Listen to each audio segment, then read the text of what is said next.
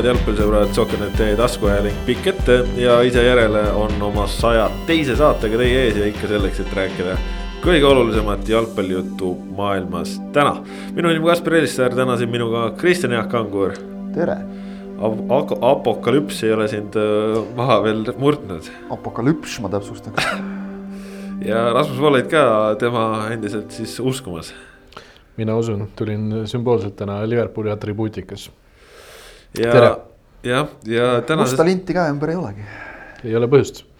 selge. nüüd alles, nüüd alles hakkab hooaeg pihta. küll aga on rinnal must mikrofon. see aasta on teie aasta või kuidas seda klassika on? hea küll, me jah, läksime liiga, liiga kiirelt selle uue rubriigi juurde. ei, aga meil. kui me juba siin alguses oleme, siis äh, sul ikkagi ka tumedat värvi riietust täna, et ikkagi jah. natukene nagu leinaperiood või no ma ei tea, et kes nagu on siin teatud mänge vaadanud nädalavahetusel. aga mis see... mänge siis täpsemalt? noh, ikkagi vot siin on nüüd muide üks koht, kus me nagu Rasmusega saame samastuda, et, et kui ikkagi. Nagu suure, suure Sämmi meeskonna vastu nagu ainult üks-ühe välja mängid, siis ikka nagu väga hõiskamiseks põhjust ei ole tegelikult nojah, ühesõnaga, kes ei suutnud äh, dešifreerida seda keerulist sõnumit. siis ma ütleks, et teil ei ole mõtet meie saadet kuulata, sest ei jaga jalgpallist midagi ei, tegelikult on ikka mõtet. jah, Manchester Unitedil ja Liverpoolil läheb võrdselt halvasti, see, ma tean, et on väga palju inimesi, keda, keda ka see rõõmustab nagu just sellises kombinatsioonis, nii et palju õnne neile, kõik Arsenali fännid ja nii edasi. ei no Arsenali fänn on ju lust olla. jah, tõusid esikümnesse ja Pirri Auvamajak äh, lõi siukseid väravaid, et oli. ikkagi esi, esikümnesse tõusmine, see on asi, mida vist. sa panid Pirri Auvamajak, panid talle teise nime, teise ja kolmanda nime panid kokku või? ta on ju nii kaua eemal olnud. tahtsime kiire saate teha täna, siis hakkad nagu sealt kokku hoidma, see ei ole hea koht aga muidu Pierre-Emerick Aubameyang, no vaata kui pikalt ma ütlen seda. nojah aga. aga mitte sellest ei tahtnud me rääkida. kui mitte sellest ei tahtnud me täna rääkida klassikuid tsiteerides no okei okay,, räägime siis asjadest, mis me täna, täna räägime tegelikult äh,. saate alguses natuke kodusest jalgpallist äh,. siin on ikkagi taliturniiri peetud ja, ja muid asju ka, mis natukene kõneainet on pakkunud, äh, tõsi küll ei ole võib-olla sedavõrd erk nädal olnud äh, kui mõni teine. aga see, mis meid ees ootab, äh, saab olema ilmselt ikkagi midagi taolist, nagu on praegune ilm, ehk siis päikseline, kaunis ja helge. ehk siis äh, meistrite liiga naaseb ja meistrite liigast täna saate teises pooles ka räägime, aga. saate alustuseks ikkagi siis kodune liiga, Narva Trans on eelmise nädala märksõna, sellepärast et Narva Trans tõi omale ja kui ma nüüd oma arvepidamisega sassis ei ole, viis uut mängijat äh, Tadžikistanist äh, äh,. kohe ütlen äh,, Tavlat Mir, aga ta eesnimi oli äh,. Tabrezi. Tabrezi, Tabrezi Tavlat Mir jah, Tadžikistani koondis. ma tegin lahti juba, nii et ma hakkan kontrollima, et ei hakake jah, vasakkaitse, vasakkaitse Tadžikistani koondislane siis toodi äh, Äh, Mihhail. Äh, Belov. Belov, Belov jah, Belov äh, poolkaitse, siis toodi äh, äh, Davitšenko, ründaja. Nikolai. jah, Davitšenko, ründaja, tema on isegi täitsa korraliku CV-ga vist enam-vähem, ta oli kuskil Moldovas mänginud ju. tegemist on. temal oli pigem ka olid seal CV oli. Nižni Novgorod ja Volga. kõik, kõik need. Moldova kõrgliiga klubi ka jah. Kamassi, Moldova viimane, kes sai vist umbes kolm punkti seal sel hooajal, nii et ma selles mõttes seda nagu väga kõrgele ei asetaks. kümne mänguga üks, üks värav. noh, jah Ja. Mängis, ise ütles ka, et, et mängis seal küll poolkaitses, nii et noh, sellest ei saa suuri järeldusi teha, ega kellestki ei saa tegelikult. kuule, aga ütlen, et teised nimed. Dmitri Markov tuli ju ka kuskilt äh, Venemaa sügavustest ja mängis jumala okeilt, mängis ennast Venemaa esiliiga täitsa korralikuks ründajaks. aga, aga Vdovitšenko puhul ikkagi selle uudise viimane lõik, see on kuld. kontrast avanes mulle juba siis, kui jalgsi üle piiri Venemaalt Eestisse tulin kõndisin Ivangorodis, pime kallas, ümberringi pole mitte midagi, aga teisele poole silda jõudes ootab Eesti. Ilus kaldapromenaad, kõikjal põlevad tuled, uksed avanevad sinu ees automaatselt. erinevus on kohe tunda, Euroopa aga see on tegelikult loogiline, et, et kui meil on siin ukrainlased ka tulnud ja, ja, ja rõõmustanud. ei üldse ei ironiseeri, lihtsalt ja. ilusad sõnad. et aga, aga siin on muide nagu hea näide, et, et miks, miks tullakse Eestisse, et tõesti, me oleme Euroopa. ja, ja, ja siis on on ju mängijate motivatsioon on ka kohe kõrgem, et, et ennast tõestada, et selles mõttes ei tasu siin ninaga visata nende Venemaa kolmandate liigade ja, ja asjade peale. ütle, ütle need teised vennad ka ära, ma enne suutsin nimed välja. Nikita Zagrebelnõi, Venemaa parempoolkaitsja.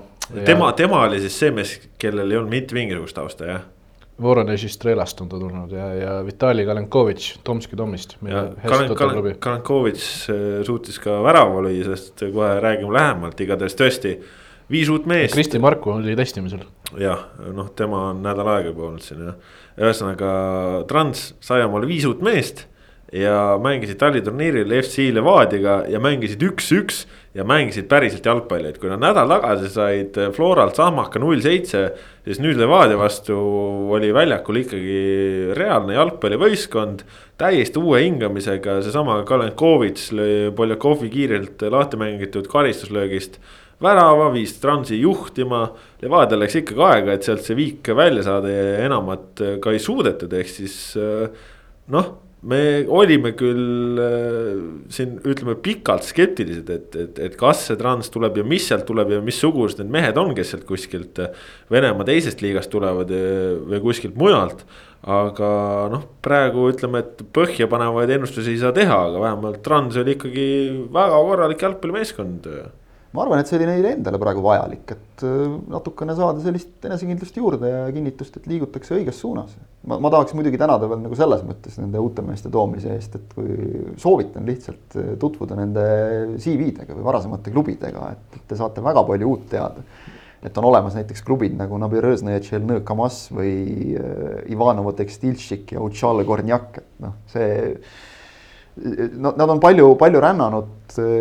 ega, ega see Venemaa kuskil teise-kolmanda või noh, siis esiliiga ja teise liiga ehk tugevuselt teise ja kolmanda liiga maailm, see on, on, on põhjatu tõenäoliselt, aga, aga sealt on võimalik kindlasti leida ka, ka häid mängijaid ja, ja me kunagi ei tea, et noh, vaata siin natuke on juba ironiseeritud, et kui mõned aastad tagasi ka Transi president Nikolai Burdakov ütles, et noh, Eesti liiga tase on nii palju tõusnud, et ei ole enam mõtet tuua äh, siis sealt kolmandast liigast, tugevuselt kolmandast liigast, et need mehed enam ei löö siin läbi, et nüüd tuleb tuua Venemaa esiliigast, aga noh, nüüd siis tuuakse jälle ikkagi nagu sealt tugevuselt kolmandast vähemalt osad mehed, aga noh, vaatame natukene ringi, vaatame võimalusi loomulikult mängib rolli see, et äh, peatreener Põõbin tunneb mingeid mehi. kõiki vist isegi no kõik, tegelikult. Need on ikkagi nagu tema soovi järgi. ise, isegi seda Tadžiki olevat jälginud, nii et. Äh, ja, ja, ja noh, ütleme nii, et, et nagu öeldud, et see, see Venemaa kolmas liiga, see on, see on seal juba regionaalseteks tsoonideks jagatud ja, ja tõesti nagu selline ammendamatu mängijate varasalv, et noh, sealt sa peadki nagu teadma lihtsalt kedagi ma vaatasin praegu, et Tomski Tom sebab ikka veel esiliigas ja selle treener on Aleksandr Geršakov no,. ei no Tom, Tomski Tom on ju pikaaegne Sergei Boreko kodu. ja ma mõtlesingi, et kas nad, nemad on ka juba tugevuselt kolmandasse langenud, aga nad ikka on veel esiliigas. ma nüüd peast nagu ei mäleta. kuigi on kahekümne esimesel kohal seal. kes neist uustest, uutest meestest, aga keegi neist on näiteks olnud Kostja Vassiljeviga samal ajal äh, Fermi Amkaris, nii et noh, see nagu näitab ka midagi, et, et ehk siis kõrgliiga klubis, et. et neil ikkagi taust on korralik äh, ja, ja mingid jalgpalli abc-d on nad on need mängijad omandanud ikkagi korralikes klubides. ja. ühel mehel ei olnud, kas see, kas see oli, oli... kas see oli Belov või oli see Zagrebelnõi? pigem Zagrebelnõi minu meelest kellel ei, ei olnud nagu erilist tausta, aga keda siis tõesti peatreener väga tahtis, et, et, et noh, see, see on selline meie jalgpallituru paratamatus ka natukene, et jah, sa nii-öelda noh, viskad õnge vette ja loodad, et näkkab hästi. et ei jää selline vana kummik sinna, sinna otsa aga, aga see risk tuleb võtta, ega siin midagi muud nagu teha ei ole. Ja noh, praegu eriti arvestades seda, et, et noh, siin võib ju ironiseerida, et need mehed jälle palgati ja ja ilma, et nad testimas oleks käinud, no ei ole võimalik tuua neid Venemaalt testima praegu, ega siin teised võistkonnad ootavad samamoodi Euroopast oma täiendusi ja ja, ja täitsa Euroopa Liidu seest. Ja noh, mehed ei saa liikuma lihtsalt kuidagi, on kuskil siin isolatsioon, seal karantiin ja ei saa kolmandat paberit ja nii edasi, et, et noh, siin ma tean, et mõni, mõni Eesti liigas mänginud mees istub praegu näiteks Portugalis kinni ja ootab vist teist kuud mingisugust kohalike võimude dokumenti lihtsalt, mis lubaks tal nagu vabalt äh, riigist lahkuda ükskõik kuhu suunas, kui ta soovib, et noh, see, see ei ole nii lihtne hetkel lihtsalt. selles mõttes ei maksa nagu ironiseerida, vaatame, kuidas need mehed mängivad ja, ja kui on mängumees, siis ei ole absoluutselt vahet, kas tal on, on CV üldse olemas või, või kust ta tuleb, et et, et seal, seal on nagu, see on huvitav seltskond, noh, eks nüüd Põõvini suur ülesanne on see punt mängima ka saada ja, ja noh, siin no teame, et, et varem on olnud nagu lihtne see väike näpuga äh, tähelepanu juhtimine, et, et kui meeskonnal hästi ei lähe, siis öeldakse, et no vot, need mängijad ei vedanud välja, kes tõi, treener tõi.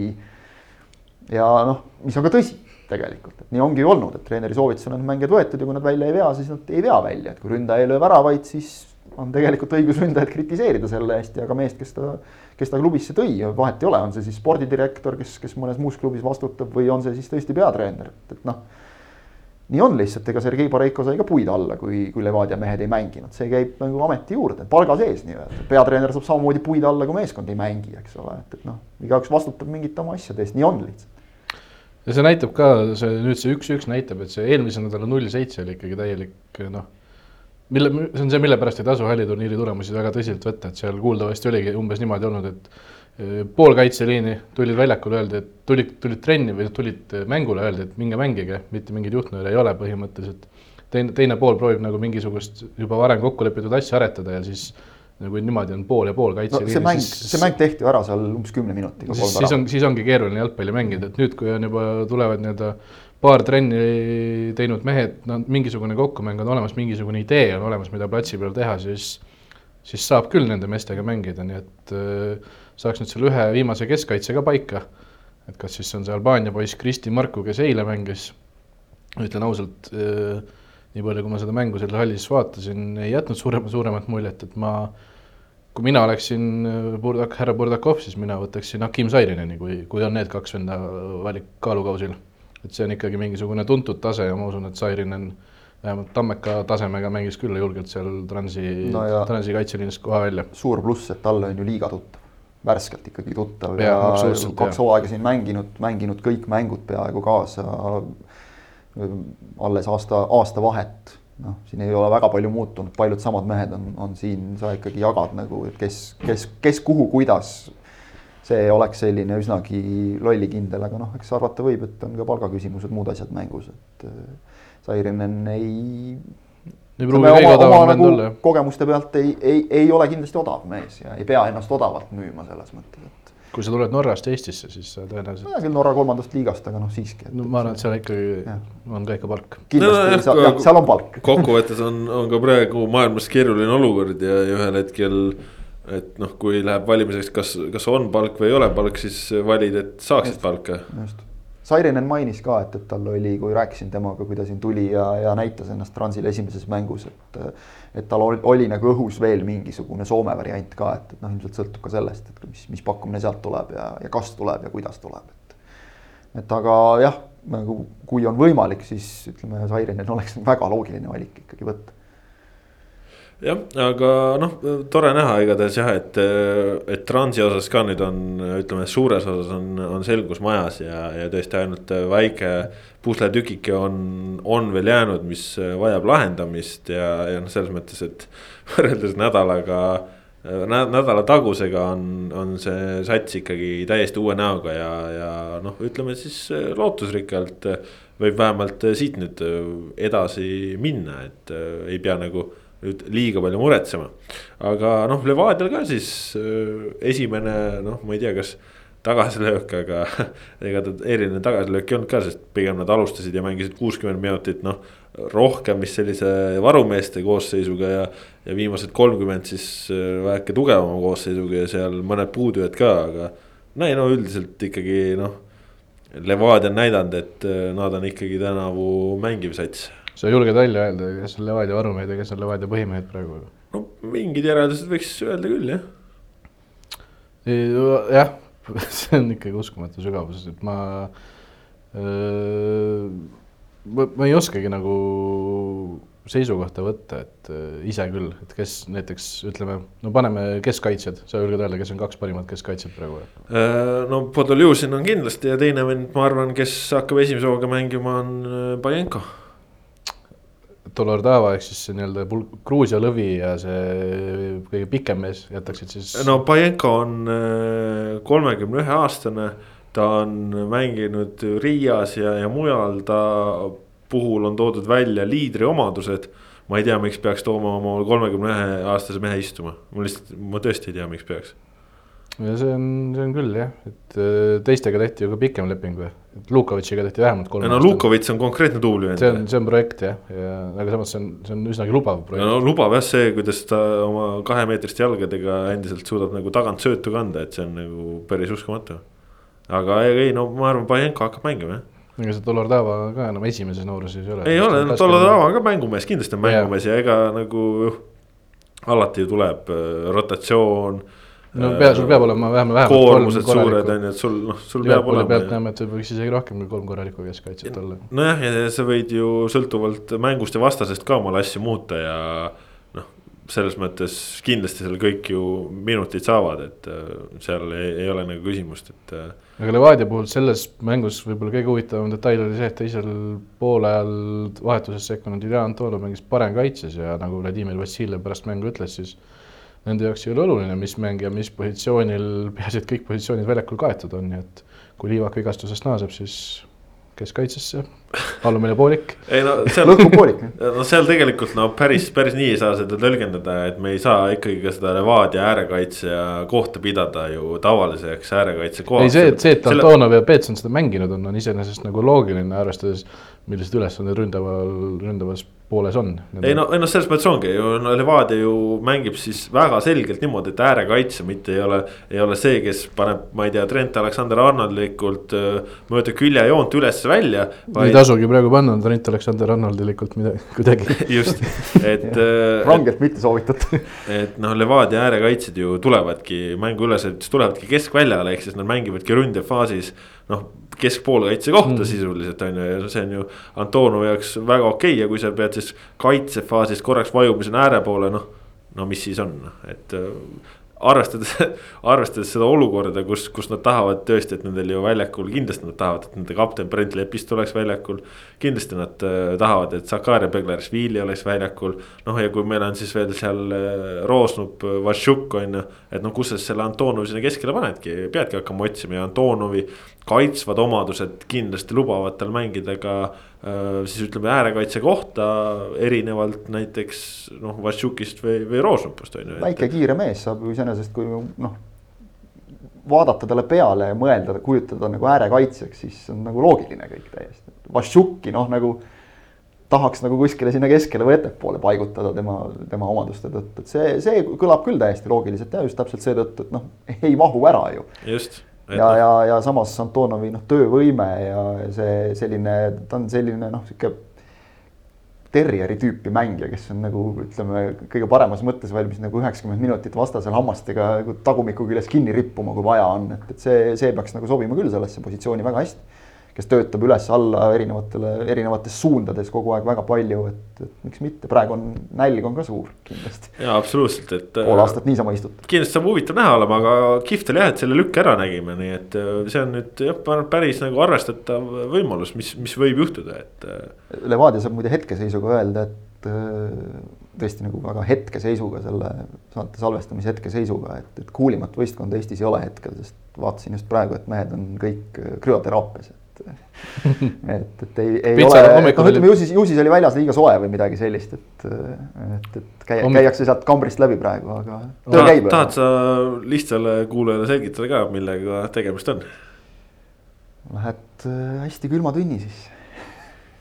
ma ütlesin ikka pikemalt selgitada, uurige ise, aga eks, eks see aitab äh, noh, ka seal on väikseid vigastusi olnud juba mõnel mehel, et.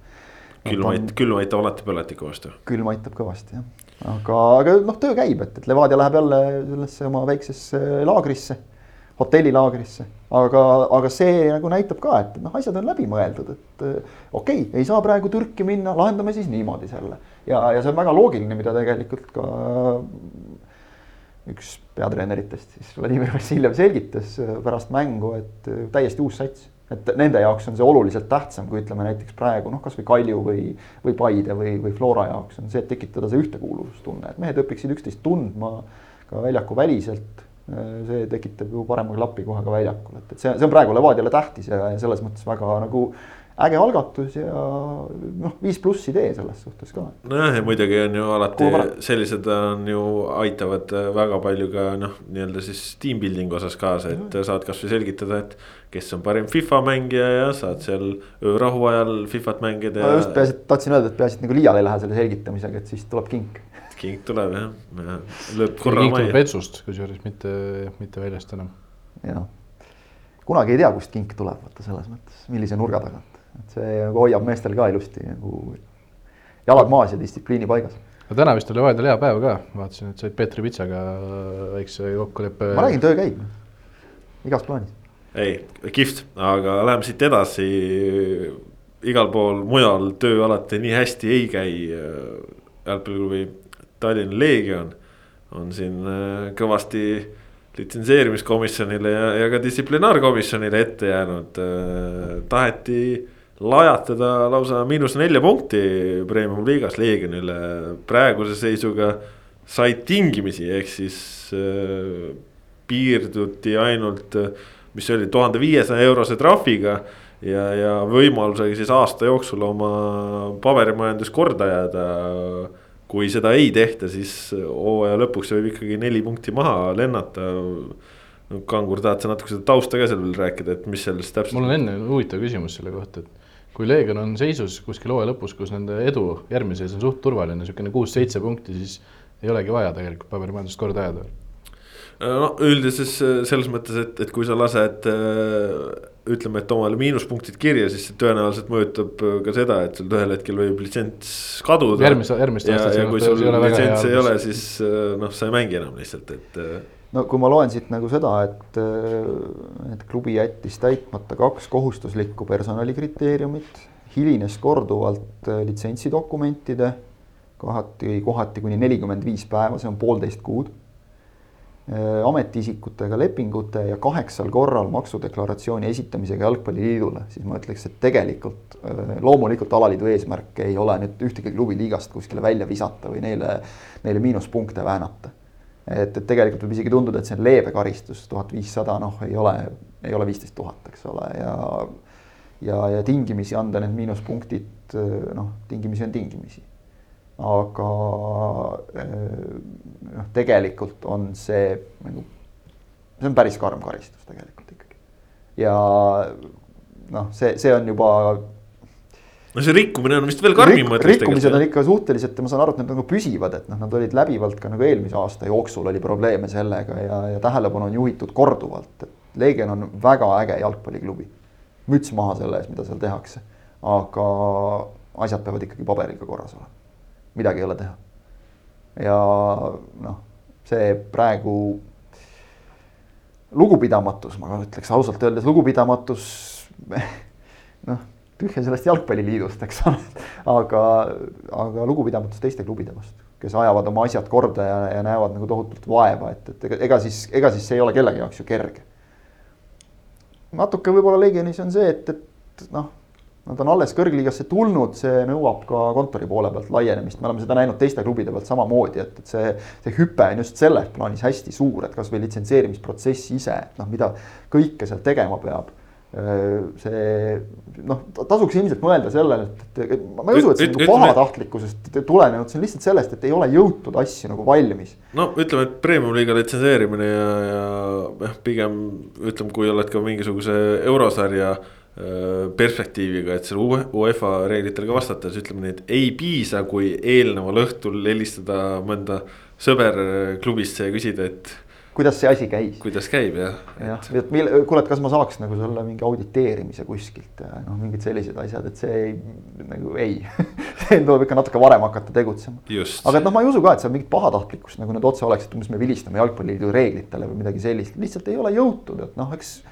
ma loodan, et Leegion teeb oma järeldused, see, see ähvardav neli miinuspunkti, see on kaks mängu tegelikult. et noh, see on, see on päris karm et, et see. et sul on hooaja peale kaks mängu vähem kui teistel noh. jah, sisuliselt, et ma, ma ei usu, et, et seda nagu tahetakse, sa tõid väga hea punkti välja, et Leegion on, on rääkinud ja noh, ütleme, et sel hooajal võib nagu isegi vaikselt juba unistada võib-olla sellest noh, neljanda koha peale mängimisest äkki. ehk siis nagu mingi Euroopa või noh, mis me siin neljandast kohast räägime, karika kaudu on europääset ka võimalik püüda, et jube mage Nelja, oleks. neljanda Nagu, koha kaudu ei olegi. no neljanda koha kaudu ei olegi jah, et, et aga, aga noh, kunagi kauges tulevikus äkki on jälle. väga Aga- palju puudu ei jäänud, et oleks saanud tagasi selle koha, aga noh, see selleks., see selleks. räägime siis, kui need tulemused on, on käes ka ükskord. aga Legionil tegelikult ei ole see üldse absoluutselt esimene kord ju siin isegi noh, viimasel ajal probleemidega küüsis, küüsis olla, et neil oli ju, kui nad esiliigast tõusid, siis neil oli ju isegi reaalne keeld välismängijaid tuua endale, kuni nad olid, kuni nad olid oma asjad korda saanud, neil oli vist selline asi, et kui ma mäletan õigesti, et nad ei olnud kahele elukutselisele jalgpallurile korrektselt palka maksnud, ehk noh, see on, see on No, läbiv probleem no, mitu aastat juba. kõik nagu noh, otsivad mingeid võimalusi ja, ja noh, ma ei tea, nimetame seda siis skeemitamiseks, eks ole, aga, aga noh, nii on lihtsalt, et. et tuleb, tuleb kuidagi neid asju nagu natukene sättida, aga need asjad peavad olema siiski sätitud paika nagu väga selgelt ikkagi reeglite ja, ja nagu ka Eesti Vabariigi seaduste, ma mõtlen maksustamise asju nagu nende piires. Et lõpuks tegelikult panete nagu käru endale ju, et, et ke- kes see tahab siin Maksuametiga hakata tagantjärgi mingisuguseid suuri summasid maksma ja klattima või, või siis äh, jääda tõesti sellepärast eurolitsentsist äh, välja teenitud eurokohast ilma ja kõigest sellest ka, mis sellega kaasneb, et noh, mõtled, et mis, mis rahad näiteks Euroopast ka tulevad. Ja, ja kas see nüüd, kas see, see mäng on nagu seda, seda väärt? no praegu võib isegi mõelda, et mõelda, mis rahad eh, premium-liigast tulevad. jah, kasvõi seda, et, et noh, et jah noh, tõstetakse sind esiliigasse või ma ütlen tegelikult, tegelikult põhimõtteliselt ju jalgpalliliit jagab neid kompensatsioonimehhanisme No no et- et neil on õigus see ära võtta ongi, tegelikult, kui kui liigast, kui sult võetakse litsents ära, lendad liigast ja No see on vähemalt sada tonni, mis on läinud, et. ja ma mõtlen isegi, sa ei pea isegi liigast võib-olla lendama, et, kas äkki on liidul isegi õigus nagu sealt vähendada seda summat, ma ei tea, eks seda peab küsima nagu, aga noh, teoorias võiks nagu ütleme, see, see õigus nagu olla, et. Et ku- kui ma nagu annan kellelegi raha, siis on mul ka õigus nõuda, et selle rahaga käiakse ümber nagu korralikult. vastavalt reeglitele. jah, vastavalt reeglitele, et, et noh. Need, need on mulle kõrvalt vaadates Need on ju tundub, sihtotstarbelised, need, need ei ole mitte, et Just. näe, palun, teen raha, vaadake ise, mis teete, vaid need on konkreetse asja jaoks antud. et just, et see on, ei ole nagu nii, et, et kas, kas ostame mängijatele elektriautot kõigile äkki või midagi siukest. et aga, aga. või dopingut. noh, no sellega saab ise hakkama mõni mees nagu, et siin, siin ma nagu klubi poole ei vaataks, et Terav, siin, siin oli, siin oli jah, ütleme, mees oli ikkagi ise süüdi nagu, kui me räägime Legionist, aga, aga noh, jah. ilmselt lihtsalt ressursi puudumine on, on selle asja taga eeldatavasti. aga need asjad tuleb korda ajada, et, et kui me räägime, oleme siin palju rääkinud professionaalsest liigast, siis noh, tegelikult see teeb liigast professionaalse liiga, et, et meil ei oleks siin jälle neid Läti näiteid, kus on jälle mingisugused jamad ja võlad ja lõpuks on klubi pankrotis ja pole vaja kellelegi seda nagu. ja, ja noh, see oleks, see oleks tõesti nagu hästi mage, kui ütleme mängijad, kes nagu noh, sportlikult teevad mingisuguse, mingisugust, nimetame seda siis ka nagu preemiaks, preemiat väärt tulemuse ära, ei saa seda preemiat näiteks eurosarjas mängimise näol nautida, sellepärast et paberimajandus on, on korda ajamata jäänud lihtsalt, kurb oleks natukene. just äh, Leegion nädalavahetusel mängis ka Tallinna Kaleviga esiliiga satsiga, võitsid neli-üks, seal lõi igast hunnik erinevaid mehi väravaid, aga. aga käis siis ka nüüd lõpuks äh, üks äh, oodatud, kauaoodatud võõrliigonär väljakul Sloveenia ääreründaja Matei ja, ja perenimi oli Potokar, Potokar jah. protokollis Matei. Jah, et äh, noh, ega ei oska tema kohta midagi öelda, aga praegu tundub, et seal Sloveenia teises liigas on üks klubi, kes igatahes Eesti poole oma mängijaid järjest saadab, et äh, noh. Jutud levivad, jutud levivad. tore siis sellegi üle jah, et noh, saab näha, saab näha, mis seal on. Iseenesest, iseenesest kui palju Leegionil sinna ääre peale neid mängijaid vaja on, et kui me mõtleme, et meil on Sander Puri. Nikolai Mažitsev, Maksim Kuusev, Kirill Nesterov, et noh, kas siin on vaja veel mingit välismaalast või mitte, et noh. hooaeg on pikk ja võtame Nesterov eelmine hooaeg, vigastused segasid. No Kuusev pole ka praegu mänginud. Kuusev, eks ole, ei ole praegu vigastuse tõttu mängida saanud, et, et siin ei, ma ei ütleks nüüd, et noh, ka see Levadia näide on ju ka see, et, et küll see sügavus, ma arvan, mingil hetkel ära tasub ennast, et. palju hullem on see, kui sul ühel hetkel ei ole midagi panna, kui see, et sul on. on üle nagu kui jah. sul on üks mees, kes ei Jah, saa. aga, aga Leegionil samas noh, ütleme. no Leegioni puhul on see. noori on ma- ikkagi päris, ütleme, et asjalikke on. Ei, seda- miks, seda miks, kindlasti. miks oli nagu kurb seda, sedasama eelmist arutatud asja kuulda, on, on just see, et, et Leegionil on nii palju neid ägedaid kutte, kes äh, võiksid nagu tulla ja teha sel aastal. need kahe tuhande kolmanda aasta poisid, Smirnov, Ivanov, Nikolajev, kõik, eks ole, kes on siin ralliturniiril kaasa mänginud, et, et noh, rääkimata. Ivanov oli isegi üks nendest, kes värav oli nädalavahetusel Smirnov lõi siin mingis varasemas mängus, et, et. Äh, ja noh, rääkimata veel Arhipovist. jah, just tahtsin öelda, Pankov, Pankov ka, eks ole, et, et kõik need vennad, kes on juba nagu isegi tõestanud ennast premium-liigas ja ma ei näe nagu absoluutselt vähemalt noh, vaadates nagu nende mängijate, noorte mängijate hoiakut ja. ja ega selles mõttes Mihhail Artjuhov meil udu ei aja, kui ta ütleb, et, et Leegioni poisid ei kardagi kunagi, et see on nagu, seda on äge vaadata, et nad tulevadki mängima nii, et minu koht on siin. ja seda me ju tegelikult oleme nagu Eesti spordis noh, ammu on heietatud, eks ole, et, et need need noored, kes tulevad, löövad ukse jalaga lahti, ütlevad, et nüüd, nüüd tahan mina mängida. seda me ju tahamegi tegelikult, selles suhtes Legionil nagu oleks väga tähtis, et saaksid oma asjad korda. ma usun, et saavad ka. ja, ja, ja need noh, et, et sealt tuleks ka sel hooajal neid poisse peale, sest eelmisel hooajal kohati natuke oli näha, et noh, mängitati võib-olla neid klubisse toodud mehi, kes, kes noh, ei andnudki nagu väga palju juurde äkki. aga sel hooajal noh, esimene hooaeg selja taga on õpitud sellest, aru saadud, mida premium-liigas täpselt vaja on. minu meelest on tehtud praegu õigeid lükkeid, et tuua sinna nüüd üks-kaks välismaalast juurde, üks peaks ju veel vähemalt juttude järgi ikkagi tulema millalgi. see ei, ma ei usu, et see nagu vale valik oleks. sügavust võistkonnale juurde anda, ega need noored kutid mängivad ju siin ka, eks ole, mingit duubli eest ja, ja, ja muid liigasid, et. jah, aga noh, ütleme, et ega noored ei ole ka alati võluvits, seda näeme Tartu Tammeka näitel Rasmus, mis see Tartu Tammeka saldo nüüd on siis? Tartu Tammeka saldo on sel taliturniiril, jättes kõrvale selle ühe kontrollmängu, mis nad Elvaga pidasid ju varem, taliturniiril üks seitseteist väravate vahe. et see on küll taliturniir nagu kaine mõistus ütleb, et kõik mängud on kontrollmängud äh,, ei tasu nagu noh, tulemustest ei tasu numbrit teha, aga sellised asjad mingil hetkel võivad ikkagi sööma hakata juba, et üks seitseteist, see on mäng palju. mäng nagu ka ei ole liiga hästi lipanud just see on nagu võib-olla isegi suurem probleem. just, et äh....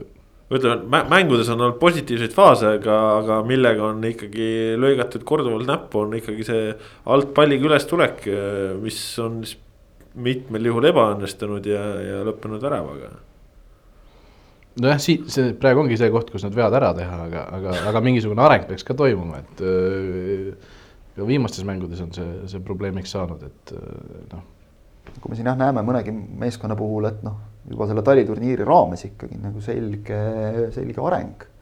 mängu paranemine, hakatakse vaikselt jälle. no Nõmme Kalju, kellega just ka Tammeka mängis, Pavel Marin rääkiski pärast mängu, et mäng mängult, me vajame mänge, mäng mängult me läheme paremaks ja, ja liigume õiges suunas, et praegu on tippvorm veel kaugel, aga, aga, aga siiski noh, juba, juba pannakse viis-null Tammekale. jah, no kindlasti mängib siin rolli see, et, et Tammekal just see mänguline pool noh, Tartu tingimuste tõttu on jäänud väga-väga-väga kasinaks.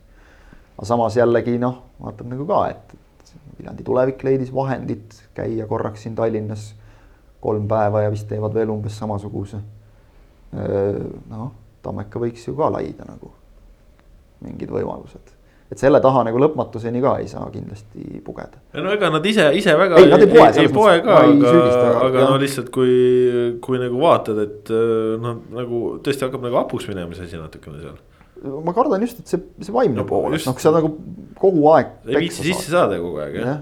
ja, ja noh, just mitte kaotada, vaid nagu peksa saada. sisse saada ikka jah, korralikult. ega tuleviku vastu näiteks ka, et noh, sa mängid, eks ole, ikkagi teise poole ühemehelises ülekaalus ja, ja ei suuda nagu eriti luua, see sööb kas sa selle mängu ükskord kaotad, see on suva täiesti. no aga... tegelikult ütleme, et äh, nagu vaadates mingisuguse kainema pilguga seda tulevikumängu, sest nagu selle mängu nad oleks pidanud igal juhul võitma, sest nendel oli seal nagu kasvõi esimesel poolel oli noh, sellised variandid oli olemas. löö need pallid võrku ja, ja sa võidadki ja, ja sul ongi tuju hea jälle, aga noh no, ei löödud. see on nagu isegi võib-olla just nagu alati öeldakse, kui sul need võimalused tekivad, eks ole, see on okei okay aga et noh, teisel poolajal ikkagi nagu väga ei tekkinud. no teisel poolel seal jah ei tekkinud jah, no eks sellest me oleme natuke rääkinud ka juba. noh, see jällegi võidavad oma kaks järgmist mängu võib-olla ja on okei okay jälle kõik.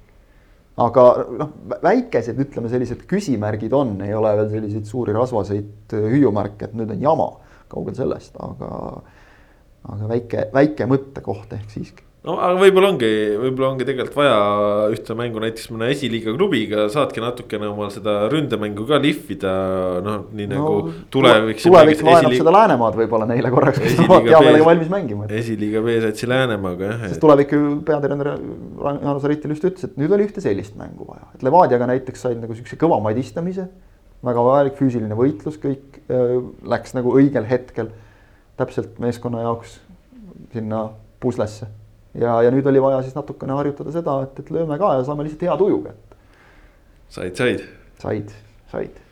ei olnud küsimust ka, aga noh. no pididki saama Läänemaa vastu, noh, seal on. ei no jah, seal ju. kaalukategooria vahe, et no, Läänemaa oli tubli, aga noh, see on klassivahe lihtsalt. noh, teisel poolel seal ei olnud enam isegi ju kaitseliinis Läänemaad, et seal oli ütleme, et mullegi hästi tuttavad noormehed äh, kuskilt madalamatest liigadest, nii et äh, jah aga kui korraks Tammeka juurde veel tagasi tulla, siis nad ei saa Läänemaad, nad saavad järgmisena Flora. et see on, see on no. natukene, natukene teine, teine tera ikkagi. samas, kuidas see on, lahingus karastub teras ja. aga noh, võib-olla ongi teate, et äh, panevadki siin äh, taliturniiril on jube uhked, et said äh, sinna ülemisse A-turniirile, saavadki hunnik kõvasid mänge. kuidagi, kuidagi karastavad, liiga hakkab pihta ja siis teevad seal tab tabeli alumises otsas, võtavad oma punktid ära ja, ja selleks hetkeks, kui ühel hetkel Tartus on lumi ära sulanud, siis juba mängivad Florade ja Levadiate vastu ka. kuule, mis Flora ära ei ole Tammeka jaoks, kes võtsid eelmisel hooajal Florat punkte? kolm võistkonda, üks oli Tammeka. ja üks oli no. Tulevik ja kes see kolmas oli, Kalju vist sai ühe. Kaljuga sa tegid null-nulli vist jah, kui ma õigesti mõtlen.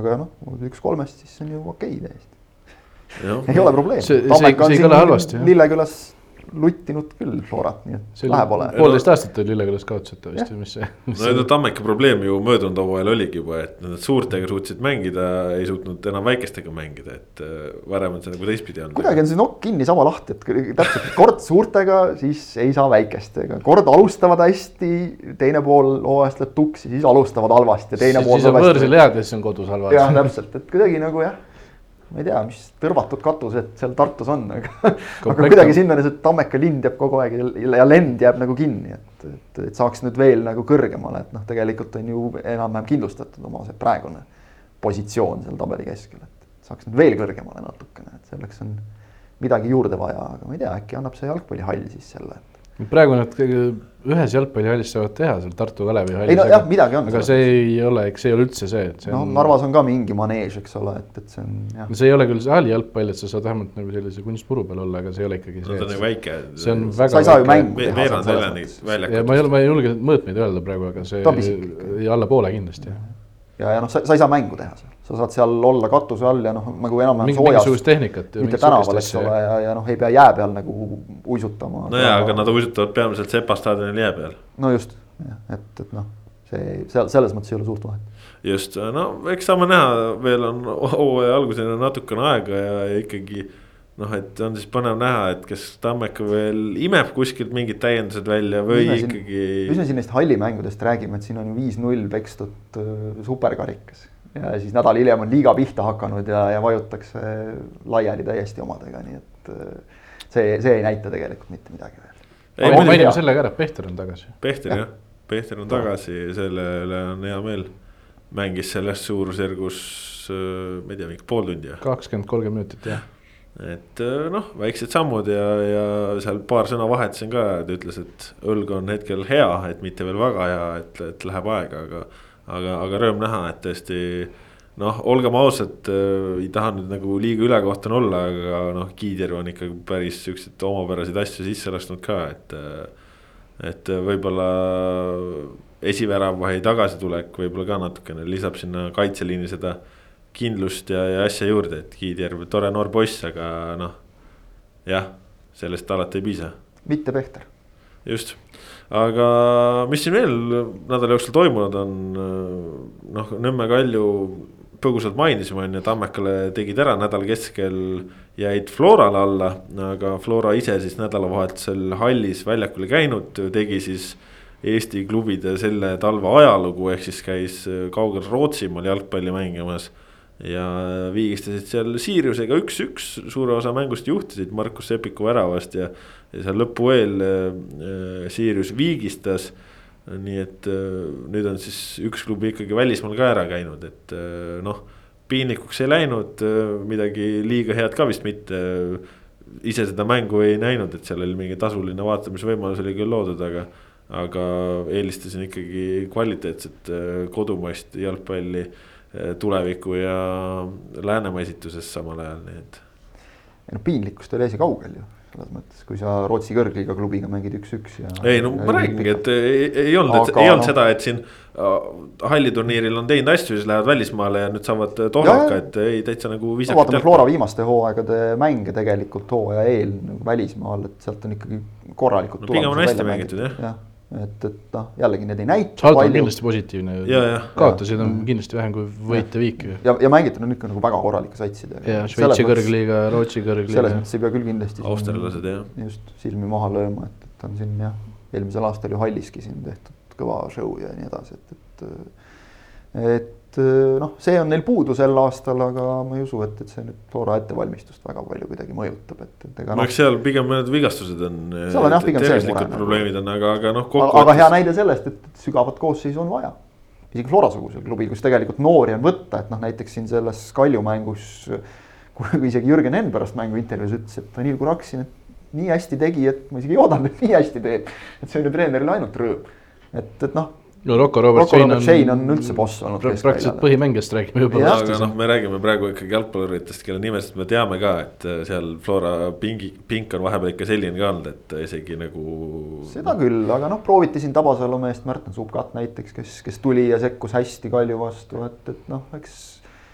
kui Flora nagu ikkagi sinna pingi peale vaata ka võtab neid poisse, siis nad võtavad ju ka ikkagi selliseid noh, see on Eesti tipp pigem teistest klubidest et äh, noh, noortekoondislasi ja selliseid. ja samas äh, näiteks esinduse eest veel T-välja pole näha saanud, aga T-väli nüüd duubli äh, eest käis väljakul ja lõi no. vist isegi kaks väravat. ei et... ole tema tervisliku seisundiga ka päris kursis. ei no aga, just, aga, aga tore näha, et vähemalt T-väli ka tagasi. ei no nagu me rääkisime ka noh, Richard Tohveri näitel, eks ole, et ei ole see nüüd ka selline tõotatud maa, et. kuulge, aga me oleme, kuulge, aga me olemegi T-välja jumala selle nurga alt ju ära. T-väli lõi ühe, Gustav lõi kaks. okei, okei, no vahet pole lõi ühe siis on ju, aga me olemegi T-välja nagu selle nurga alt ära unustanud, et kui me oleme rääkinud, et kes see number kuus seal. Eesti parim number kuus Floras olla võiksid jah, Juhan Lindberg ütles väga hästi ta kohta ja no. Premium liigas, Premium liigas on. Premium liigas on ju T-Veli mänginud rohkem kui Shane näiteks, noh näituseks, kui, kuigi no praegu vist pigem tundub, et nagu. T-Veli vist nagu ikkagi on nagu duubli treeninggrupis või. ma arvan, et seal on väga lihtne nagu, et kui sa mees oled, siis sa oled varsti esinduse treeninggrupis ja, ja teed asju, et, et. et sel hooajal on, on nagu natuke noh, vähemalt tundub nagu natuke rohkem ruumi no selle aga, konkreetse aga... mängu põhjal ma julgeks midagi väita, et seal on noh, Kiivit ja Usta, kes on figureerinud ka esinduses, olid ka seal olemas, nii et. seda küll jah. ja, ja noh, Flora ikkagi Kalju vastu ka jättis eriti esimesel poolel ikkagi noh, võimsa mulje.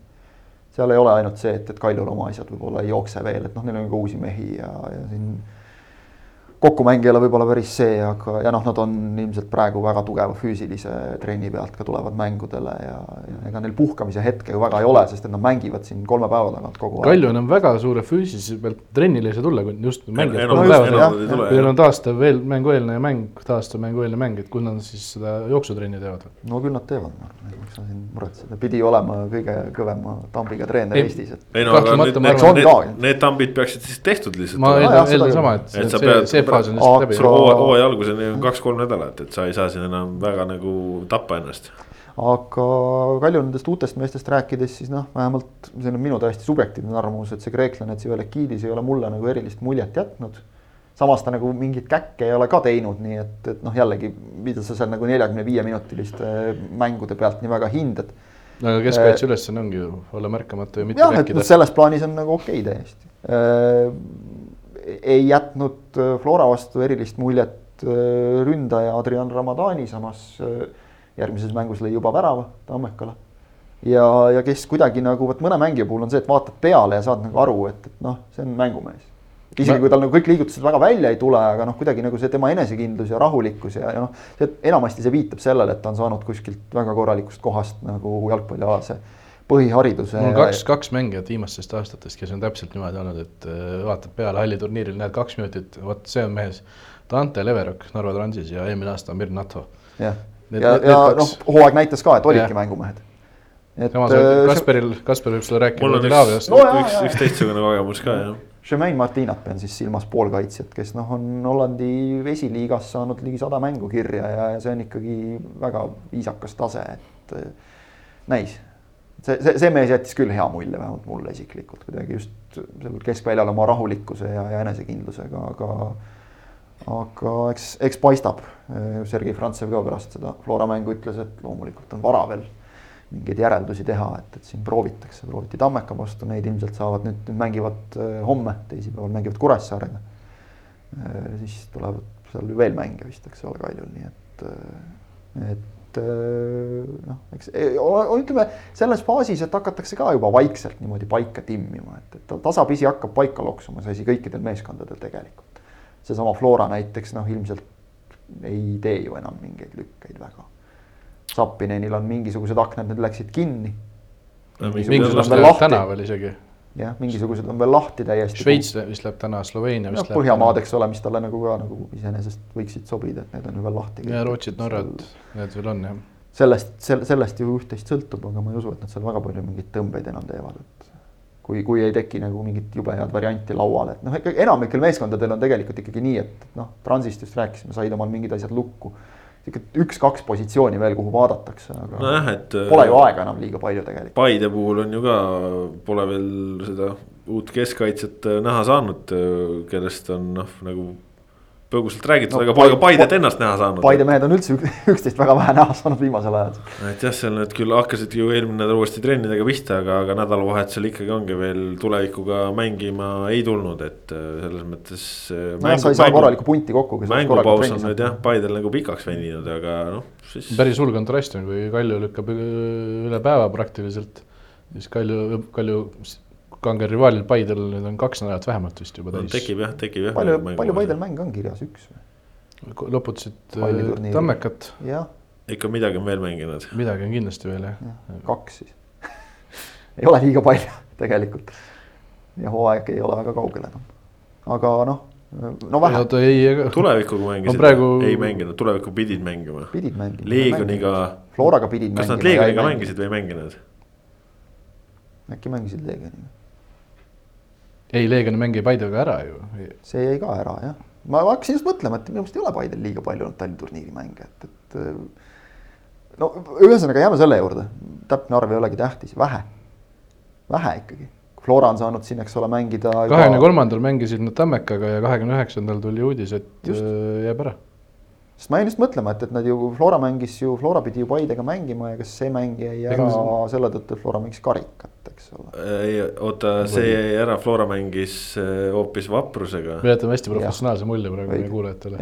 No, lihtsalt... keegi vist kunagi kellegagi kuskil mängis, aga täpselt. no mälu, mälu on ju selline, et sinul on arvuti ees, sina saad ju kontrollida. mina vaatasingi seda praegu, et taliturniiri enda sealt protokollisest ma ei leia peale Tammeka midagi ja uudistest ka mitte. no siis ma ausalt öeldes ei ole kriitikaga nõus selles suhtes, mina ütlesin kohe, et üks mäng mäng oli. viimane, viimane mäng, Paide viimane mäng oli kahekümne kolmandal jaanuaril ja, ja meil on hooajani kaks nädalat aega. Flora mängib siin, eks ole. superkarikani on alla kahe nädala. kas kindlalt ei ole midagi ära unustanud või? Flora mängib Rootsis, Flora mängib äh, Kuressaarega karikat, eks ole, Kalju paneb siin kolme päeva tagant, polegi tähtis.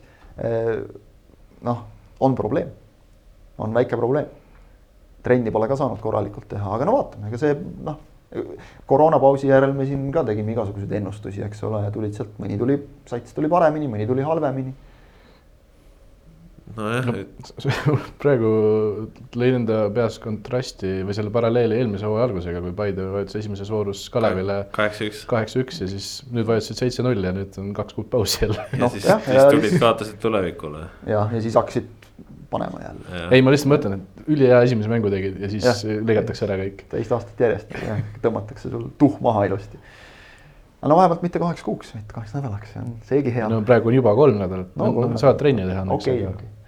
ah, küll nad saavad oma asjad käima, ei ole siin midagi nojah, ühesõnaga. Moskva pisarad ei usu või kuidas selle kohta öelda? nii palju siis, äh, sest äh, kodusest jalgpallist äh, läheme edasi rahvusvahelise jalgpalli juurde, sellepärast et meistrite liiga naaseb juba teisipäeva õhtul ja see tähendab ainult seda, et nüüd on jälle äh, mitu nädalat, äh, ütleme, et nädala sees õhtud sisustatud, sellepärast et äh, iga päev esialgu kaks mängu ja mis meie plaan on, räägimegi mängudest, räägime natukene ka sellises ennustuse võtmes, et mis me head äh, saate panelistid siis äh, julgevad ennustada.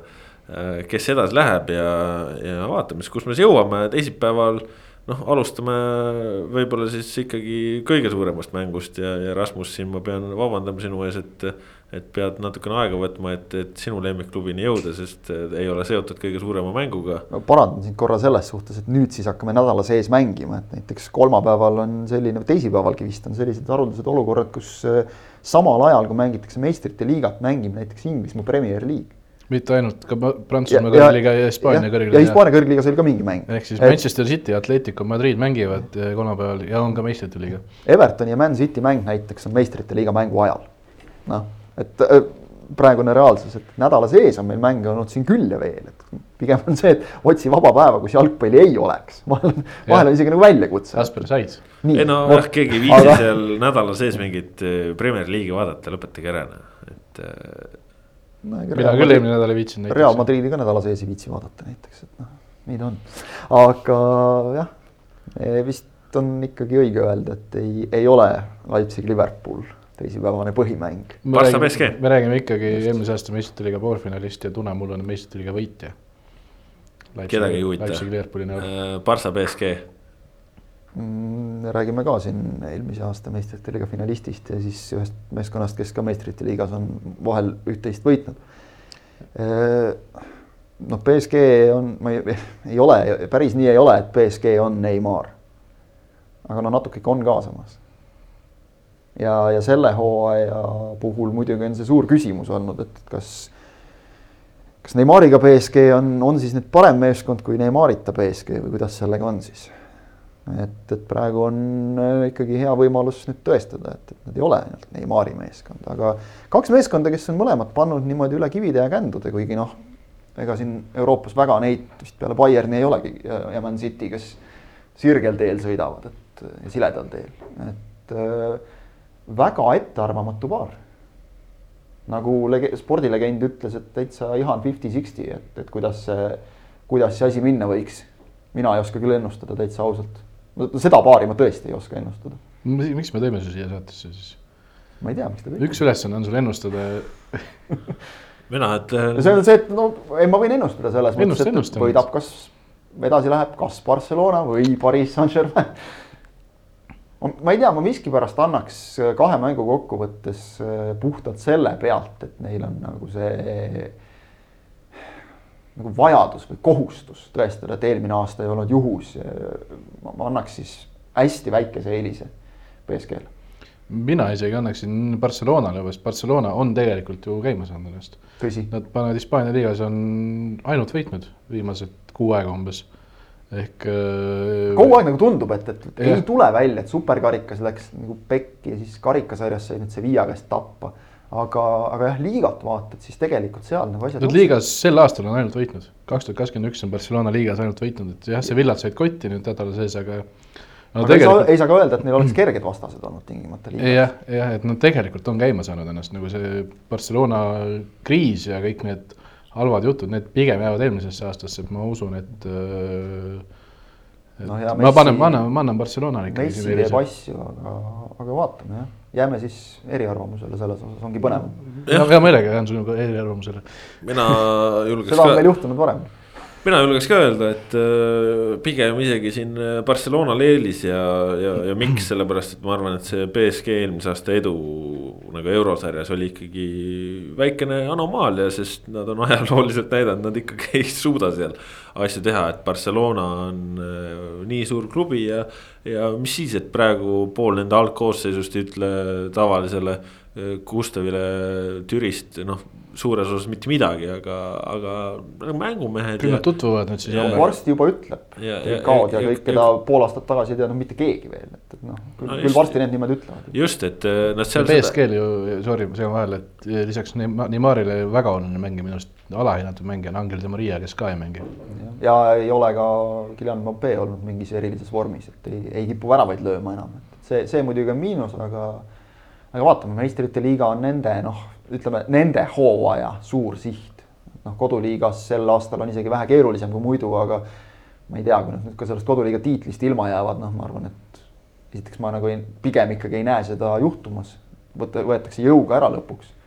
ja, ja noh, ei usu, et seal nagu mingid pead hakkaksid lendama või midagi, et, meistrite liiga on ikkagi prioriteet. ja, aga vaata, BSG probleem ongi see, et see meistrite liiga on nendele selline kinnisidee, et nad tõmbavad nagu Seda pingesse ära. noh. seda küll, aga teisest küljest äkki selle pinge natukene võtab maha see eelmise aasta finaali kohta, ei tea. see on, see on kõik selline oleks-poleks ette aimamine, et. sa Rasmus tead hästi, et ei ole lihtne leida inimesi, kes oleksid valmis ennustama uut hooaega. tervitused ühe- ühe teise asja raames sellega just ja ei, ei, ei tea, ei tahaks nagu öelda. Ebausk ja, ja mis kõik muud aga jutud. need, kes tulevad lõpuks ennustama, küll need on toredad mehed. jah, need on tublid mehed, neid, neid me kiidame. ühesõnaga kindlasti tasub jälgida. see on noh, hea, tasub, tasub meistrite liigat jälgida. sellele ma kirjutan alla, et tasub jälgida, seda mängu tasub esimene mäng on siis Kataloonias, see on siis üks nendest mängudest, mis saab toimuda seal, kus ta peaks toimuma. aga teine paar äh, Lähme teisipäeval RB Leipzig ja, ja Liverpool, noh. Budapesti Leipzig siis. Ma, ma võin, ma võin Rasmuse südamerahuks öelda, et, et no Jürgen Klopp äh, eurosarjas suudab ennast ikkagi kokku võtta ja, ja oma, oma satsi mängima saada ja. ja võib-olla isegi niimoodi, et Alisson ei tee mõnda nagu täielikku ajuvaba prohmakat, et äh, ma, ma arvan, et siin ikkagi noh, me ei saa rääkida, et, et Leipzig, kes no ikkagi mängib üles-alla ja ja no ei ole sellist head stabiilsust, noh, mitte et Liverpoolil seda oleks, aga Liverpoolil on lihtsalt võimu. Liverpool on üsna stabiilne olnud viimasel ajal, ise öelda. stabiilselt halb jah. suhteliselt jah. Rasmus, mis sa ise arvad selle mängu kohta? see on, see on hästi selline vastik koht, kus ma nagu tahaks uskuda, et see koduliiga eba- ebakindlus ja kõik sellised noh. kõik see, mis toimub Liverpooliga, et, et tegelikult nad suudavad minna nagu eurosarjale vastu kui puhtalt lehelt, et lendavad Budapesti ja noh, nagu, et see on nagu ikkagi nagu teine asi, et see pole seesama asi. aga kurat, kui seal ka ei tule, et siis on nagu juba, siis on pahasti. siis on pahandus jah vaatasin huvi pärast, et hakkasin meenutama, et kas Leipzigil on tõesti nii halvasti, et tegelikult väga õigesti ütlesid, et neljast mängust üks võit, neljast mängust neli võitu.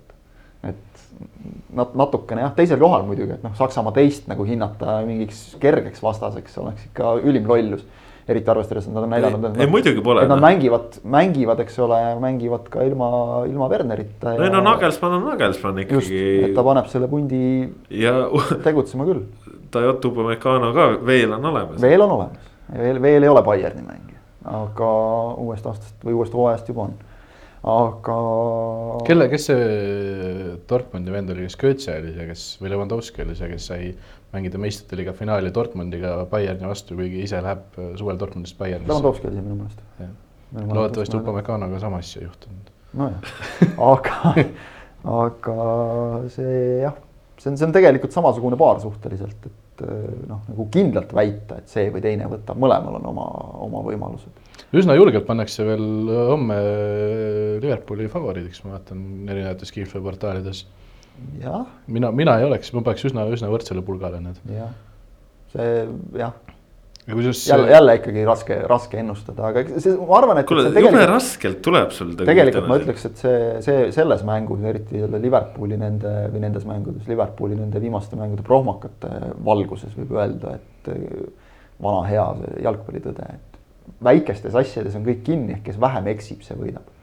Ja ütleme nii, et millegipärast hetkel... kutsutakse seda väikseks asjaks, aga minu arust eksimine on päris suur asi. päris oluline asi tegelikult ja, ja, ja hetkel ütleme nii, et noh, Liverpool on nagu näidanud korduvalt oma, oma võimet eksida ja noh, Liverpooli suurimad, suurimad probleemid praegu on ikkagi selles, et kui sul seal Hendersonid ja, ja Fabinho'd eeldusel, et ta ka vahepeal terve on, mängivad keskkaitses, siis keskväli ei noh, ei hoia seda asja koos. selle tõttu ka on, on ründajatel seal probleemid ja noh, sellest endiselt me võime vist erisaate millalgi teha, kui kui või kui võib-olla ühel hetkel Klopp ei ole enam Liverpooli peatreener, et kas läks kõik täpselt samamoodi valesti nagu Dortmundis, sest et noh, kuidagi mingi muster on nagu sama, et, et ta on, et kuskilt käis läbi see, et Liverpooli põhimeeste mängitud mängude arv või vist olid Inglismaal, Inglismaa klubidest kõige rohkem mänginud mehed.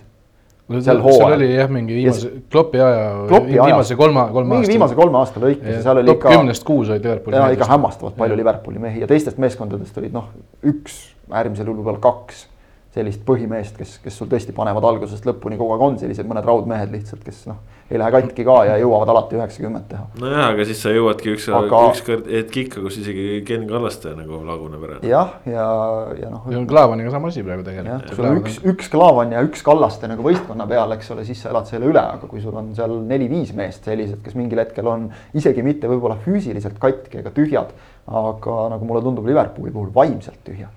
Seda see ma- viimane, viimane liigamäng nagu näitas just seda, et, et üks eksimus no aga äkki saavad siis Tuusiku Ja- ja... Budapesti ja ongi kihvt noh, ilus jõgi, mõnus linn. no ma ei tea, ringi käia sa ei tohi seal vist. no sõidad bussiga seal mask ees noh. no,. Lähed staadionile väikse ringiga. aga tegelikult äh, just selle vaimselt tühja juurde, kui me selle juures korraks peatume, siis ma enda peas mõtlesin, et Liverpool on tavaliselt siis hea, kui on Roberto Firmino hea. ja kui Roberto, Roberto Firmino on tavaliselt siis hea või viimati oli siis hea, kui rahvas oli tribüünil. Mäletate seda Tottenhamile seda üheksakümnenda minuti võiduvärat ja seda tähistust No kaks tuhat inimest oli tribüünil ja ta jooksis nagu nende ette üle, üle väljaku, et see talle see publiku olemasolu tähendas jube palju. brasiillane loomulikult jah ja,, harjunud ehk siis samas vaata pärast seda enam ei Firmino, ole rahvast tribüünil ja Liverpool on jälle halb. vaata Firmino eeltööd äh, Salahi väravale ei ütle, et Firmino on halb hetk. ei, no tal, tal on muidugi, tal on, tal on hetked, see annab selle lisakäigu, mida on Jaa. vaja ja, ja noh, ikkagi me ei saa üle ega ümber ju sellest ka, et, et noh, saadi oma see kaua tahetud tiitel kätte, see on loomulik, et tuleb pingelangus. kaks aastat järjest on ju pandud tegelikult hullu täiesti. mängitud maksimaalselt võimalikult hästi. ühel aastal tuli meistrite liiga, teisel aastal tuli kodune liiga ja siis just see koroonapausi järel on ju Liverpool olnud tegelikult juba, juba kevadel lihtsalt neil oli niivõrd suur edu tabelis, nad on võrdlemisi kohutavad olnud. huvitav, et. ja, ja see minu meelest see koroonapaus, see võttis nagu selle noh, vedruvajus nii-öelda siis lahti jälle ja enam seda kokku suruda, pinget tekitada ei ole õnnestunud. ma arvan, et äh, mingil hetkel võis kindlasti asi olla selles, et pingelangus ja motivatsioonipuudus ja nii edasi, aga nüüd on see asendunud juba ammu, ma arvan, lisapingega. ka võib-olla jah. tahetakse, aga noh, need tahetakse, asjad kerivad, aga ei tule välja. nojah, aga samas jällegi mõelge, et Müncheni Bayern on suutnud aastaid võita kõik asjad ja ikka leiavad sisemist motivatsiooni veel ja nüüd Jaa. on. no Liverpool ei ole aastaid võitnud kõiki asju, see on natuke te- teine lähtepunkt. sisemist motivatsiooni leiavad jälle suurimate konkurentide juurest, sest viiekümne miljoniga see sisemine motivatsioon tuuakse endale või mis need Upamecano hinnad olid alles. ei, aga jah, noh, Bayernile palju õnne, igatahes võitsid eelmisel noh, nädalal see- kuuest kuus noh. jah, ja see on hea näide, et, et kui vägev see tegelikult on, et ega siis nagu Bayernil ei ole ju ka kehvad konkurendid, aga nüüd on, oleme jälle selles faasis, et Bundesliga-s kõik teised viskavad punkte maha, Leverkusen mängib äh, kaheksakümne kaheksanda minuti kaks-null eduseisu kaks-kaks viigiks. Dortmund saab suure hädaga kätte kaks-kahe jälle punkte kogu aeg pudeneb. kuule, aga ütle nüüd ära siis äh, Leipzig või Liverpool. mina ütlesin Liverpool, Rasmus ütles Liverpool, mis sina ütled? aa, ma ütlen siis Leipzigil, no super. siis on mingi varieeruvus vähemalt., siis on vähemalt teada, et sa tõenäoliselt ikkagi midagi ei tea. Läheme edasi, selleks ei oleks nüüd vaja tõesti mind saatesse kutsuda. võiks sulle enne niisama ka ära öelda siin ukse taga rahulikult. läheme kolmapäevaste mängude juurde, kolmapäevase. See on põnevuspaaris. põhi, põhiline mäng on ikkagi Sevilla Dortmund ja, ja see, kui hea soos Sevilla praegu on, siin ei ole varianti ka, et äh, Dortmund siin üldse midagi teeks, ma ütlen teile niimoodi. Sevilla Ma on olen-, olen nõus sellega, see- Sevilla on küll enda jaoks sattunud täiesti valesse liigasse jälle kogemata kombel, aga, aga Rasmus, sa tead, mitu nullimängu Sevilla järjest teinud on? ei tea. sina ei kirjutanud seda uudist või ei, seda tegi oh.? mina kirjutasin, aga ma praegu ei julge peast öelda, igatahes palju. No ikka see aasta vist ei ole väga löödud neile või? mingi kuus, kuus, viis, seitse. kuus, viis, kuus oli jah, mingi kuus nullimängu järjest, et see on nagu päris sürreaalne number, kui sa kaitse, mängid kaitse on korralikult jah, korralikult kinni keeratud ja minu meelest, kas ei olnud äkki isegi paremuselt teine kaitse Atletico järel, noh, need on üldse ja omamoodi, no At- Atletico, omamoodi tüübid. Atletico on praegu ikkagi natuke hakanud laskma, et isegi jah, vist seal on, ma arvaks, et peast ütlen, et Atletico on lasknud kolmteist nüüdseks juba, mida on päris palju Nende kohta, siis Sevilla on kuusteist ja Real Madrid on üheksateist. õiged vastused on, on Sevilla puhul nullimängude osas äh, seitse no seitse ja ikkagi. neli, sest kolm on karikamängud olnud, aga noh, karikamängud mm. on olnud siin, kui mängid siin Valenciaga, no üle kahe päeva, üle Almeriaga ja Barcelonaga, siis seal nagu nulli hoida ei ole ka. üheksateist jaanuar lasi viimati Sevilla endale värava lüüa Hispaania liigas. alaveesil jah. ja see mäng võideti ja ehk siis nad on mänginud vähem kui kuu aja jooksul seitse mängu või? Nad on mänginud. no kui nad üheksateist lasid lüüa ja pärast seda seitse-nulli mängu. Nad kaotasid viimati kaheteistkümnendal jaanuaril. Siis mängiti kuueteistkümnendal jaanuaril ja sealt algas üks, kaks, kolm, neli, viis, kuus, seitse, kaheksa, üheksa mängu kestnud võiduseeria. mille jooksul on endale tervelt üks värav lastud lüüa. üheksa mänguga liigas ja karikas. ja see on siis äh, kuueteistkümnendast jaanuarist tänaseni. ehk siis palju õnne kõik tippmeeskonnad, selline, selline graafik ongi. Siin on, siin on väga lihtne, siin on ainult Hispaania karikas ja Hispaania liiga.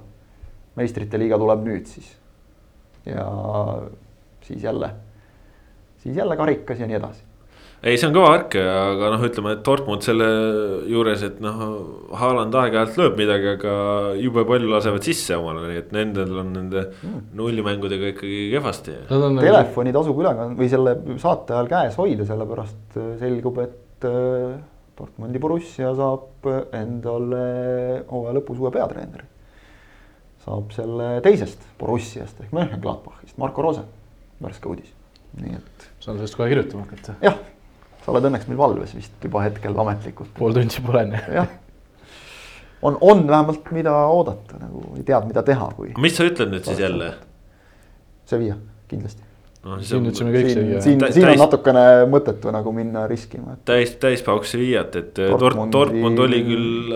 Dortmund käriseb igast õmblusest. sügisel tundus nagu jube lahe ja kihvt sats olema, aga. lahedalt ja kihvtilt mängivad siiamaani. aga viienda-kuuenda koha peal. Borussiate omavahelist andmist, ülikõva mäng oli, aga noh nii nad. ei, äge on vaadata siiamaani, sest. Nad on niisugune no, Saksamaa liits või? jah, põhimõtteliselt küll, et on võimalik äh, enne mängu nii neli-null võit kui ka null-neli kaotus või siis neli-kolm. enamasti triigitakse sinna keskele kaks-kaks nagu ja keegi ei ole rahul sellega. aga jah, vist on natuke jälle nagu läbi hammustatud, et, et see. no seda annab, selle selgitab ka uue peatreeneri nimetamine. jah, just, et, et ma, ma näen, ma ei, ma ei näe eriti Dortmundile võimalust jah, ja kolmapäeval see üks mäng veel, Porto Juventus, Juventus ei ole ka just erilist mängu näidanud, aga, aga noh, ma arvan, siin me läheme ka üpris ühte auku, et eh, Porto, mis siis, et sul on keskkaitses PP, noh, jääb ikkagi natukene väheks, et nad võivad seal, ma arvan, ühe mängu isegi teha mingi täitsa okei tulemusega, kahe mängu kokkuvõttes ei näe varianti, Juventus läheb sealt ikka edasi Porto võit oleks või edasipääs oleks ikkagi, võit ei oleks üllatus ühes mängus, aga edasipääs oleks küll, ma arvan. Rasmus, mis sa arvad sellest? nõus, kuigi meenutades eelmise aasta meistrite liigat, siis neil oli päris raske see vist ju. ei, absoluutselt, no Juventusel on keeruline ja Porto on ju tubli olnud ja, ja Porto on üldse ju ka äge linn, äge linn, äge klubi. peksa ju eelmine aasta meistrite liigas suvel veel. jah, ja, ja, ja. ma, ma siis annan, panen ka põnevuse huvides panen Porto peale, aga aga väga ei usu näo järgi otsustan. jah, ma lähen lihtsalt, nüüd ma olen selline klassikaline hasartmängur, ma lähen seda kohvi võtma. no lähed kohvi võtma, okei okay.. Äh, ja tegelikult ega meil selles mõttes täna väga palju pikemat juttu ei ole plaanis äh, siis järgmise nädala mängudes teha, aga, aga teeme väikese ennustuse nende juurde ikkagi, et küll jutte jõuame rääkida tulevikus, aga läheme siis mäng haaval, anname siia ikkagi kuulajatele ka natukene mõtteainet siis, kuidas meie seda äh, suurt jalgpalliasja näeme. järgmise nädala teisipäeval Lazio, Bayern, Kangur, mis sa ütled? jah, ei Lazio võidab kindlasti, Bayern on viimasel ajal nii nõrk olnud. see, isegi imelik on nagu öelda, Lazio on nagu korralik klubi, aga see vist, vist on ühepoolseim paar äkki või? ma ei tea. ma arvan küll, et on ühepoolseim paar jah. ma arvan küll, et siin ei ole uu, jah konkurent tundub olevat aga... nagu City, Mönchengladbach, aga ma ei usu, et see nii ühe nagu paberil nii ühe. pigem usun ma nagu Gladbachi võimalustest. kuulge, rääkige õigest mängust praegu. rääkisin ju, Bayern, Bayern., mis sa tahad saada? Bayern jah, Atletico, Chelsea. Atletico. Atletico. ma ütlen ka Atletico, Chelsea ei mängi nii head jalgpalli enam. seal on vaja, väga halval hetkel Tuhhali jaoks tuleb see mäng. kuule, meil läheb lõpp üldse jube lihtsalt, Gladbach City. ikkagi City. Gladbach oi, oi, no see on Manchester City. pusa pealt ütlesin praegu. pusa pealt ütlesid, aga no City praegu täitsa hullumeelne. Ma ei tea, mis temaga juhtus, ta hakkas lihtsalt ründajaks De Bruyne sai vigastada. tere, tere lambist, ma olen, ma olen ründaja. isegi seda, kui De Bruyne vigastada sai juba, siis Gündogan otsustas, et vist kaks kuud tagasi nad mängisid äh, Tottenhamiga. hakkasid väravaid lööma. siis ta lõi oma esimese värava, nüüd ta lõi siis oma üheteistkümne ja, ja, ja pluss veel mingi paar sööta. ja mitu ta, mitu aastat ta mänginud on City's? no ikka mõned aastad on olnud. ütlen sulle alates hooajast kaks tuhat kuusteist, kaks tuhat seitseteist noh, ei olnud selline tubli rollimängija, aga mitte liider, aga vaata Cityl kuidagi õnnestub leida need vennad, oli see noh, sellest on ka juba mõned aastad möödas, aga Yaya Toure otsustas, et ta teeb nüüd siukse kahekümne värava hooajal. et noh miks ka mitte. järgmine aasta hakkab ilmselt roodri vajutama kuskilt kolmekümne viie pealt. kuus tükki paneb kümnesse. tuleb mingi suvaline vend kuskilt jälle Kuigi... sealt, keda me võib-olla ei tea või. kui Gündogani puhul ei tasu tema statistilisi numbreid usaldada, sellepärast ma olen siiamaani solvunud sellepärast, et äh, kui nad võitsid A Le Coq Arena'l Saksamaaga Eestit kolm-null, siis millegipärast Gündogani nimel läks kaks väravat ja tegelikult ei peaks kumbki tema nimel olema. et ühes, ühe, ühes tegi viimase puute Saksamaa mees ja teine oleks pidanud minema oma väraks, sellepärast et Gündogani löök ei läinud raami. praegu ta ikka, ma ütleks, et on enamik oma praegu on ausad väravad jah. selles mõttes võib. lööb penaltid lööb üle ja siis lööb kasti, viie kasti seest lükkab neid sisse sealt tühja. jah, on ikka löönud siin ilusaid ka no,. mõned ilusad on ka jah. lõpetanud ilusaid rünnakuid ja, ja. mõtlesin lihtsalt Liverpooli mängu. kuidagi nagu äge, äge on vaadata meest, kellel asjad, kes on nagu tsoonis. kelle karjääri ta ära lõpetas nüüd? iseenesest kellegi, mingi kaitsja. ma ei mäleta, kes see nüüd oli Spursi meestest, aga noh, see oli, see, see on. Taier vist oli või? see on see, see koht, et jah, võis olla. see on, see on täpselt see koht, et nagu ei ole ilus naerda, aga noh, lihtsalt vaatad, et juhtub ka parimatel. see on täpselt see Lionel Messi, Jerome Boateng uuesti. et, et noh, sa tead, et kõik korras jah, mina ütlesin ka Manchester City ja, ja viimane paar Atalanta, Real Madrid. no Real on ka vormi kogunud, Atalanta muidugi ka siin ikkagi Kaljarit võitis. see on, on ka saavutus omaette, aga. no Kaljarit kahjuks võidavad kõik mm -hmm. praegu. tuleb kurvastus. see on isegi üsna niisugune atraktiivne paar, ma arvan, tuleb. no kahtlemata, väravaid need kindlasti. no mis sa ütled? no ma tean, et sina ütled Real, nii et ma panen Atalanta. ka see, et loogika ütleb, et Real. no ilmselt aga... mitte kuidagi süda ütleb, et Atalanta. väga hea, väga hea, sellepärast. äkki üllatavad jälle. ei no ma ütlen. ma ei tea, kui see on üllatus enam. ei no tark inimene, tark inimene ütleski Atalanta, aga Real Madridi puhul on lihtsalt üks huvitav nüanss, et. vahet pole, kui halvasti nad mängivad oktoobrikuus, novembrikuus, detsembrikuus, jaanuarikuus, kui veebruar on käes, siis tavaliselt hakatakse jalgpalli mängima. tavaliselt on ka Cristiano Ronaldo pundis olnud nojah, praegu on saadud kolm, kolm võitu järjest, et äh, kindlasti tuleb midagi piinlikku ka ette, aga. aga ütleme, et Atalanta ei ole ikkagi päris Donetski Zahtar, et äh, nad saavad aru, et see on ikkagi vastane, kelleks sa pead valmistuma ka, et ei lähe nagu päris nagu trenni sirge jalaga lükkama, et siis mingi pakk vastu võtta, et. Äh, ma ei tea, ikka Real paneb, näitab midagi huvitavat jälle. Real vist on nagu tegelikult hästi mänginud ka. praegu on hästi mänginud jah et noh, kaitse on pidanud, et see on midagi sihukest ebatavalist jah ja no praegu on väravaid nüüd ka löödud, et see mäng polegi enam nii üheülbaline olnud, et sa isegi igat söötu ei tea ette, mida tehakse. ja kas ma sellega eksin nüüd, et Carvajal on jällegi väljas või? ja noh, sai vigast, no ta oli enne ka väljas, selles mõttes vahet pole, ega seal kaitsjad ei ole niikuinii, et. No see on muidugi suva jah seal vahet pole, Sergio. Sergio, Sergio Ribas, kelle nime te pole kuulnud, on kaks mängu järjest juba tulnud vahetusest peale. mina olen jälginud palju õnne sulle. vot, tõmbame tänaseks joone alla, sellised olid jalgpallijutud pikk ette ja ise järele saja teises saates. millised jutud on äh, nädala pärast, äh, seda kuuleme siis. igatahes tänase saate tõid teieni Kaspar Elissaar, äh, Rasmus Voolaid ja Kristjan Jaak Kangur soovime teile kõigile palju tervist, sellepärast et koroonaviirus jätkuvalt Eestimaa Vabariigi pinnalt ei ole kuskile kadunud ja, ja tembutab aktiivselt, nii et äh, loodame, et ikkagi ühel hetkel õnnestub see asi ka kuskile minevikku jätta, varsti on aasta aega juba täis seda, seda sellist elu, nii et äh, tahaks millalgi ka midagi lõbusamat, aga seni peame olge olema. olge targad, olge terved. olema vastupidavad, jah aitäh teile, et kuulasite, olge tublid, nautige päikest, nautige talve, kuniks seda on, sest nagu te teate, varsti juba algab premium-liiga hooaeg ja siis mõistagi lumi sulab ära. aitäh, adjöö